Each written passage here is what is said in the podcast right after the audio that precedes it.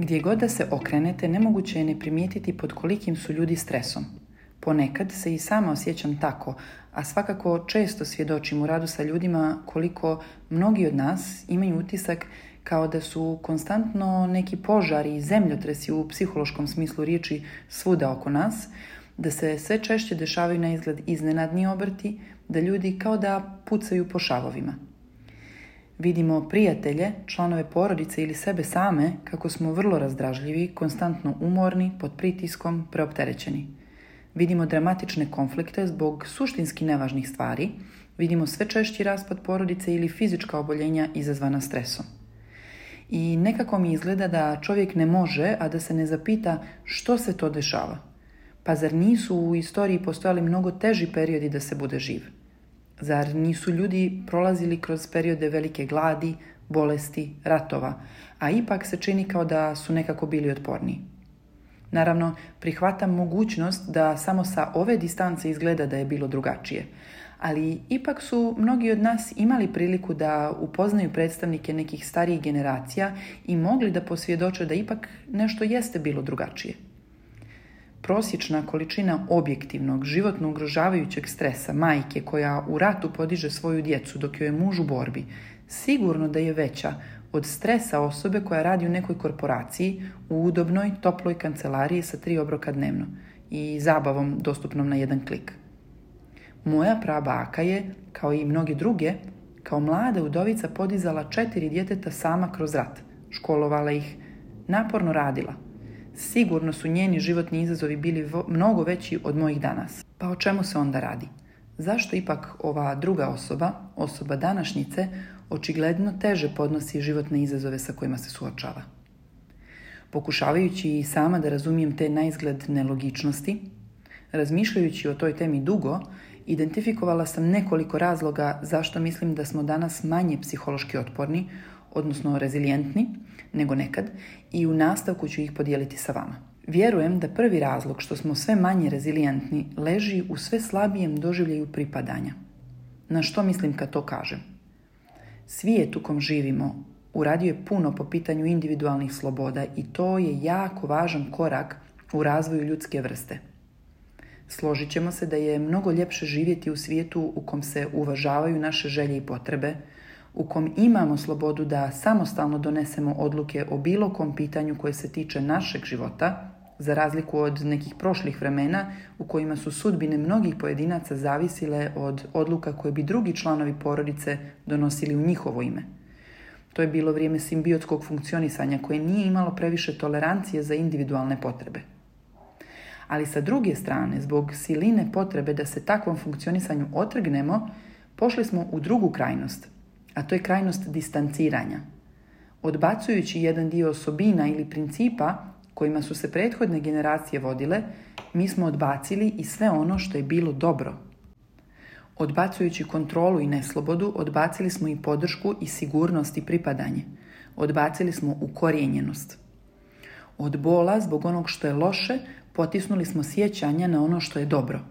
To se vrlo lijepo vidi u ličnom radu, naročito radu sa, na traumatskim iskustvima a možete to provjeriti i na svom primjeru. Ako imate nekog člana porodice na koga nikako niste željeli da ličite, da li ste možda nesvjesno otpisali i ono što je kod te osobe bilo dobro? Slično se dešava sa našim odnosom prema prošlosti generalno. Često skliznemo u to crno-bijelo mišljenje. Nešto je ili samo dobro ili samo loše. A istina je zapravo da svaka stvar i svaka osoba i svaki pristup nečemu u sebi ima i jedno i drugo – i dobro i loše. A da bismo bili otporni, izuzetno je važno da budemo ukorijenjeni, da znamo kome i čemu pripadamo, da znamo koje su naše koordinate, naše vrijednosti, da znamo u što beskompromisno ulažemo energiju i čemu se uvijek iznova vraćamo. Pripadanje podrazumijeva da imam kapacitet da držim prostor i za pozitivnu i za negativnu stranu da postavim granicu tamo gdje treba, ali i da otvorim ruke i prigrlim ono što je lijepo. Pripadanje omogućuje i veći stepen podrške u obavljanju svih svakodnevnih obaveza od odgajanja djece do kućnih i drugih poslova, a to također pomaže u savladavanju stresa. Nikad se ranije od jedne osobe nije očekivalo da samostalno ispunjava toliko uloga kao što je to slučaj danas. I pripadanje se svakako ne odnosi nužno samo na pitanje porodice – mi pripadamo i svojoj široj zajednici, profesionalnom krugu, e, društvu u kom živimo. Pripadamo svemu onome čemu se dajemo.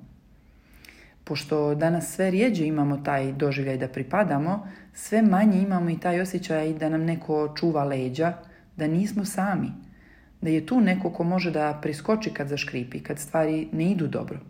I to nas čini krhkima, neotpornima.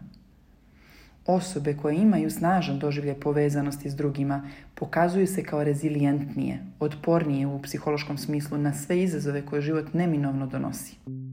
A ukoliko te zanima kako da stekneš otpornost na životne izazove, kako da lakše savladaš stres i živiš mirnije i radosnije, preuzmi besplatni priručnik koji sadrži 18 strategija za nošenje sa stresom preko linka koji se nalazi u opisu profila. Drugi razlog naše neotpornosti krije se u brzini života kojom živimo, a koja evolutivno ne odgovara našem sistemu, na koji naš nervni sistem prosto nije prilagođen. Količina informacija koje smo izloženi u jedinici vremena nije prirodna. Ako je u prošlosti neko o nekoj stvari morao da vam napiše i pošalje pismo, to bi trajalo puno dana. Osoba bi morala dobro da promisli o tome što piše, a onda biste imali priliku da i sami uzmete vremena, promislite i odgovorite. Podrazumijevalo se da je to proces koji traje. Danas stres izaziva pomisao na paljenje računara jer očekujemo dvocifren ili trocifren broj mailova na koje treba odgovoriti. Naš mozak je toliko bombardovan najrazličitijim vrstama zahtjeva na dnevnom nivou, količinom emailova, poruka, poziva, da nema vremena da se naš nervni sistem opusti. Stalno smo u pripravnosti, na oprezu. Doslovno se konstantno osjećamo napadnutim. Nemamo vremena da se bez prekida posvetimo nečemu do te mjere koja donosi osjećaj ispunjenosti i zadovoljstva. Dakle, nemamo vremena da uđemo u to stanje flowa kada mi i aktivnost postajemo jedno, a to je vrlo ispunjavajuće stanje. I fragmentacija se dakle ne dešava samo na društvenom nivou, već i na nivou naše pažnje i pojedinačne svijesti. A kad je mozak prestimulisan na takav način, reagujemo kao dijete koje je preumorno i prestimulisano. Postajemo razdražljivi, neadekvatno interpretiramo stvarnost, što dovodi do neželjenih reakcija, sve češćih konflikata, sve manje bliskosti i tako u krug. Dakle, nemamo mir iz kojeg otpornost dolazi. Treći razlog što mnogi od nas osjećaju veći pritisak nego ikad ranije u istoriji jeste jedna zabluda, jedna slobodno možemo reći bolest mišljenja koja se krije u imperativu sreće. U perfekcionizmu koji nam servira tačno određeni način života koji se smatra ispravnim, ispunjavajućim, navodno vrijednim življenja. Paradoksalno, u društvu u kom smo navodno jako otvoreni za različitosti, svi težimo da živimo isto i s obzirom na tu idealizovanu sliku mjerimo sobstvenu vrijednost. Za razliku od nekih prošlih vremena, kad su ljudi zaista mnogo više suštinski bili prihvaćeni od svojih porodica takvi kakvi jesu – kad nije nužno postojao zacrtan put koji bi neko morao preći.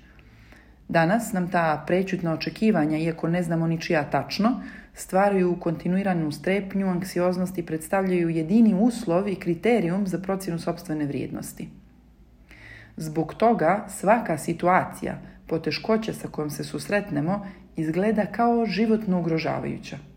Jer ako ne postignem na poslu određeni rezultat, ako ne pođem takozvanim ispravnim, očekivanim putem razvoja karijere, ja ne valjam. Ako se ne udamo ženim rodim djecu do određenih godina, ja kao biće ne valjam. Ako ne zarađujem određenu sumu, ako ne putujem, ako nisam živjela u inostranstvu, propustila sam nešto bitno. Stalno neko ako, ako. Sve je jednako važno i jednako ugrožavajuće. To je razarajuća karakteristika perfekcionizma i pošto je svaka potencijalna greška ugrožavajuća za tu moju sliku o sebi, onda naš sistem opet zapada u stanje konstantne pripravnosti, konstantnog doživljaja prijetnje. A to sve snižava naš kapacitet da se na zreli način nosimo sa stresom, da adekvatnije procjenjujemo okolnosti i probleme u kojima se nalazimo. Da razdvojimo važno i nevažno, da razdvojimo ono što je autentično naše i ono što smo samo prihvatili kao imperativ s polja. Četvrti razlog predstavljaju štetne navike, odnosno izostanak pozitivnih. Ovdje doslovno mislim na previše sjedenja, manjak boravka u prirodi, previše vještačkog svjetla, nedovoljno kvalitetne hrane i sl. Da bismo bili otporni na mentalno-emocionalnom nivou, da bismo imali kapacitet da se nosimo sa životnim stresovima i pritiscima, jako je važna naša fiziologija, naši hormoni i fizičko zdravlje. Jedan od razloga zašto danas teže podnosimo stres leži u tome što smo sebi oduzeli određene navike, rutine i resurse koji su nam ranije prirodno bili dostupni bez da razmišljamo o tome. Na primjer, ranije su ljudi fizički bili puno aktivniji jer nisu imali luksus prevoznih sredstava koje mi danas imamo jer su mnogo više radili teške fizičke poslove, a znamo da je fizička aktivnost izuzetno važna u regulaciji hormona stresa. Zatim, mnogo manje hrane su unosili, što je opet bolje za naše mentalno i fizičko zdravlje. Puno više vremena su provodili na prirodnom svjetlu. Nisu imali vještačko osvjetljenje. Živjeli su u prirodi i sve što je bilo potrebno da iskoriste taj resurs bilo je da prekorače vrata sobstvenog praga. Nisu imali internet, nisu bili prestimulisani dopaminskim sadržajima društvenih mreža. Svi ti resursi i navike koje su prethodnim generacijama pomagale spontano da opuste svoj nervni sistem, danas su nam uskraćene i, i to uveliko obara naš kapacitet nošenja sa lošastima. I peto, iluzija beskrajnih mogućnosti. Ne znam da li ste nekada imali priliku da posmatrate dijete i njegove reakcije ako ga uvedete u prodavnicu igračaka i pitate ga da od svega što je u ponudi izabere jednu igračku koju želi. Djeca u takvim situacijama uglavnom budu preplavljena. Bi sve i ne bi ništa tako jako.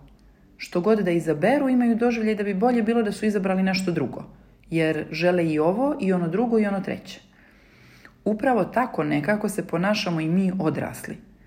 Preplavljeni smo iluzijom neograničenih mogućnosti, jer ranije nisi imao puno opcija ni u čemu. Mogao si da ideš na zanat ili da studiraš. Mogao si da upoznaš djevojku ili momka na faksu ili među prijateljima svojih prijatelja. Ali to nisu bile hiljade ljudi. To je u najboljem slučaju bilo par desetina ljudi koje si mogao da sretneš u krugovima u kojima se krećeš. Danas, pošto na Instagramu možeš imati više stotina ili čak hiljada kontakata, imaš doželje kao da ovi sa kojima si u bliskijem kontaktu možda baš i nisu ona prava osoba. Čim primijetiš neku manu ili nešto što baš ne odgovara tvojim potrebama, ideš dalje. I to dalje nikad ne prestaje, nikad nije dovoljno. Iluzija neograničenih mogućnosti je dovela do toga da samo gledamo u to da li se neko uklapa u našu listu poželjnih karakteristika i dakle obhodimo se gotovo instrumentalno jedni prema drugima. Kad nemaš suviše izbora sa druge strane, jako se potrudiš e, da od toga što imaš napraviš nešto. Potrudiš se da se ti svidiš drugome, potrudiš se da ti budeš bolji. Međutim, reći ćete, ali dobro, što sada radimo? Tu smo gdje smo, neke stvari neće i ne treba da idu unazad. I saglasna sam s tim. Nećemo se ponašati kao da živimo u kamenom dobu. Ali je važno početi od toga da razumijemo što je to što nas čini tako krhkima, a nad čim imamo uticaj. Jer kad imamo svijest o tome, postoje stvari koje možemo uraditi da ublažimo posljedice okolnosti u kojima se nalazimo. Da iz vremena u kom živimo uzmemo najbolje, ali i probamo da preokrenemo, preusmjerimo ono što je loše, da uradimo naš dio posla. Zbog novih okolnosti života sa kojima se nikad ranije u istoriji nismo sretali, trebaju nam novi mehanizmi da se prilagodimo i naučimo da se nosimo sa svijetom u kom živimo, kako bismo zaista mogli da živimo kvalitetnije, ispunjenije, mirnije, radosnije, uprkos okolnostima. Ako ti je ovaj video bio značajan, piši mi u komentarima ovdje ispod ili na Instagramu i podijeli ga sa nekim kome može biti važan, da zajedno gradimo zajednicu zrelih i prisutnijih ljudi.